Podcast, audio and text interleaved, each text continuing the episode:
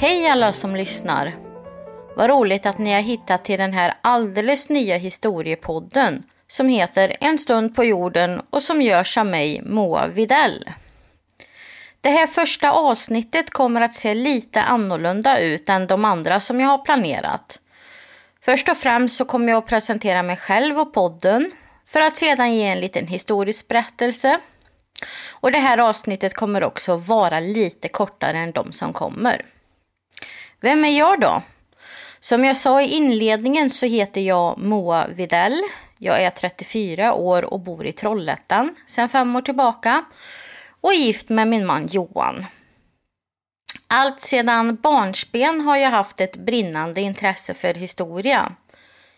Jag kan inte minnas exakt när det startade men är övertygad om att det generella intresset som funnits för historia och religion i min familj har påverkat mig.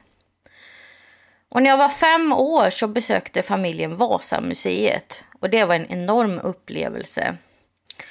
Besöket gjorde historien om katastrofen om Vasaskeppet mer begriplig för mig. Jag hade ju hört historien innan men det var mest som en saga. Men sedan dess har jag strävat efter att på ett personligt plan göra historien mer begriplig och konkret för mig själv. I förlängningen när jag har blivit äldre så har den här tanken fötts att eh, kunna nå ut till andra och göra samma sak. Alltså att göra historieämnet mer aktuellt och spännande och speciellt konkret och begripligt. Efter det här besöket på Vasamuseet så köpte jag en liten kanon. Och den står fortfarande framme på mitt nattduksbord och eh, påminner mig varje dag om vad som jag tycker är spännande och intressant och hur viktigt historieämnet både varit och är för mig. De som känt mig länge vet att historia har följt med mig genom alla år och alltifrån grundskolan upp i gymnasiet. Vissa av mina historielärare har verkligen uppskattat och tagit vara på mitt intresse, vilket jag är glad för. Medan andra har ställt lite hårdare krav på mig just på grund av det. Något som jag så här i efterhand kanske inte tycker varit jättekul. Men målet att plugga historia på universitet och bli historiker har funnits med mig lika länge som intresset funnits. Och idag så har jag en examen som historiker efter fem års studerande på tio olika universitet och högskolor. Anledningen till att eh, det har blivit så många är dels att jag har läst allt på distans. Men också för att mina specialintressen oftast funnits på olika universitet. Förutom grundämnet i eh, själva historiekurserna så har jag läst idéhistoria, ett antal kurser om andra världskriget, första världskriget, folkmord, kalla kriget, kurser om imperialism och kolonialism, kläd och dräkthistoria, interiörhistoria, nordisk historia samt religionsvetenskap som jag halkade in på i några år. Jag har också hunnit med att spendera en termin åt retorik och kognitionsvetenskap. Som ni märker så har jag en väldigt bred och stundtals spretig utbildning.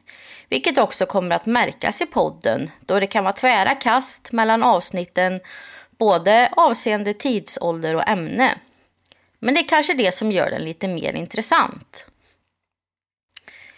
Min förhoppning är att du som lyssnare ska få en intressant stund som inte känns alldeles för tung och där inte för mycket fackspråk används. Det är ett misstag som den akademiska världen gör, vilket jag tycker har en uteslutande effekt. Till sist så vill jag tacka alla er som uppmuntrat mig att starta den här podden och min man Johan som har hjälpt till att redigera och ordna med musiken. Om ni har åsikter om podden eller förslag på ämne eller frågor så får ni gärna skriva i Facebookgruppen som jag har startat.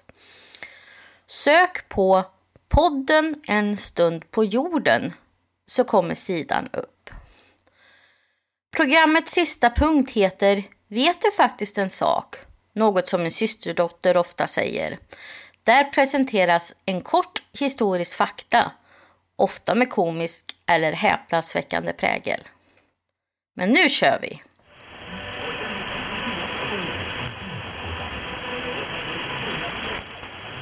Dagens avsnitt handlar om svensk media under hundra år. När 1900-talet inleddes så fanns det i princip en kanal att förmedla nyheter genom. Det var tidningarna som stod för den information som kom ut till folket. Det fanns både lokala och mer nationella tidningar. En del tidningar var politiskt bundna medan andra var oberoende. Tidningen var en plattform för politisk debatt men kom också att innehålla saker som skvaller. År 1903 kom tidningen The Daily Mirror att starta i England. Det här var en tidning som skilde sig från de andra. I tidningen kunde man läsa om sport och nöje, politik, skvaller samt att de visade väldigt många bilder. Det här kom också att påverka svenska tidningar och framförallt tidningen Aftonbladet som snabbt hakade på trenden. En annan tidning som också hade samma koncept var tidningen Expressen. Den bildades dock inte förrän 1944. Och 1919 uppfanns radion, något revolutionerande i världen. Och 1925 hade Sverige sina första radiosändningar i AB Radiotjänst regi. Trots att Radiotjänst var statligt och hade monopol på tjänsten så var intentionen att ge publiken breda och opartiska sändningar. Radion erbjöd nyheter och sport. Och redan tre år efter att Radiotjänst börjat med sina sändningar så beräknades det att det fanns en radio i vart fjärde hushåll. Och programmen kom att utvecklas med politiska debatter, och man startade Utbildningsradion som bland annat hade socialreportage. Och man hade också nöjesprogram. Under andra världskriget användes radion flitigt för att snabbt nå ut med information till det svenska folket. Radions sändningstider ökade ständigt och på 50-talet så startade man P2 och i början av 60-talet kanalen P3.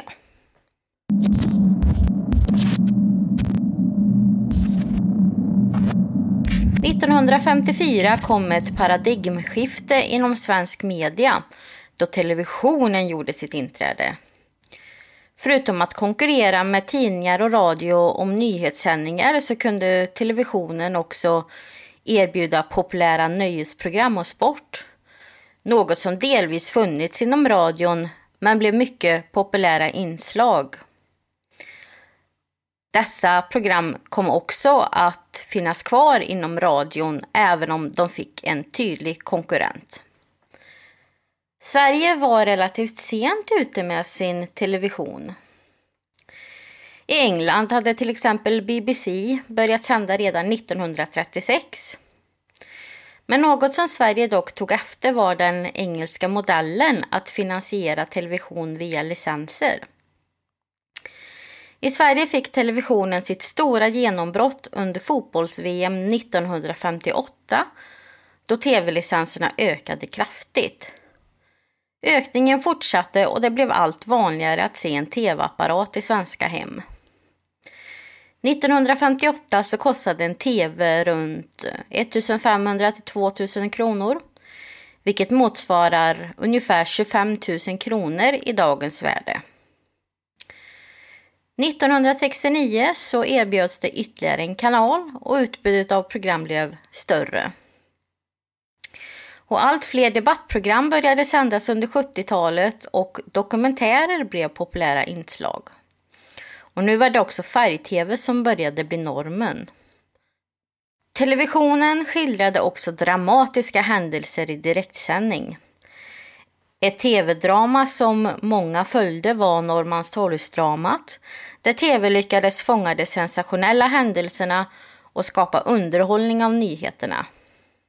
Händelser som ockupationen av västtyska ambassaden och VM i hockey 1970 följdes av miljontals tittare.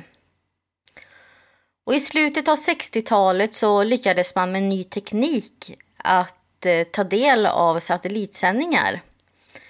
Och de här blev speciellt viktiga under bland annat månlandningen som följdes av 530 miljoner tittare världen över. En annan intressant skandal var också Watergate-skandalen som kom att bli en följetong. Världen öppnades upp lite mer för svenskarna och tvn var en central anledning till det. På 70-talet visades dessutom flera utländska serier. Till exempel så blev familjen McKayan en publiksuccé som många svenskar tittade på. Under 1980-talet kom allt fler tv-serier från andra länder och framförallt USA.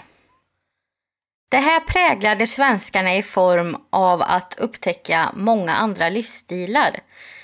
Till exempel så kunde ett visst mode spridas och skådespelarna blev stilförebilder. Några av dessa tv-serier var till exempel Dallas och Miami Vice. TVn fortsatte under hela 1980-talet att ha en viktig samhällsroll med nyhetsrapportering. Och under de så kallade ubåtskränkningarna i Horsfjärden var tv på plats och följde dramat noga. I slutet av 1980-talet så upphävdes det svenska sändningsmonopolet och andra aktörer började nu komma in i tv-utbudet. TV3 och TV4 var några av de första kanalerna. De här kanalerna erbjöd främst underhållning men TV4 försökte ha en mer seriös framtoning med bland annat nyhetsrapporteringar, dokumentärer och debattprogram. Under 1990-talet så exploderade tv-marknaden och nya kanaler uppstod ständigt samtidigt som svensken kunde se allt mer utländska program via parabol och kabel-tv. Det fanns nu tillgång till utländska tv-program som kunde konkurrera med SVTs nyhetssändningar vilket gjorde det omöjligt att upprätta ett monopol. Under 1990-talet kom ytterligare en aktör in på marknaden, internet. På internet så flödade informationen och där kunde också privatpersoner komma till tals om till exempel politik. Man kunde på ett klick få nyheter från andra sidan tv-världen. Tv, radio, tidningar och internet möjliggjorde en explosionsartad marknad av information. Dessa medier kom att bli allt viktigare i den politiska opinionsbildningen. Politiker och privata aktörer hade flera mediala kanaler där de kunde sprida sitt budskap. Och en ny offentlighet hade tagit plats i det svenska samhället och i övriga världen och en globalisering hade skett och som pågår än idag. En annan populär programidé som lanserades i Sverige i slutet av 1990-talet var dokusåpan. 1997 hade Expedition Robinson premiär. Sveriges Television hade köpt programidén under en tv-mässa i Cannes året innan.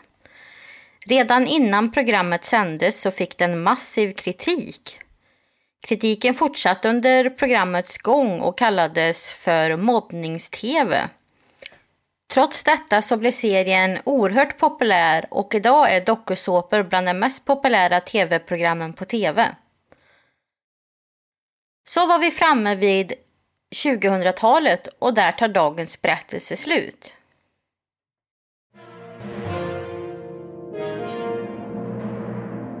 Vet du faktiskt en sak?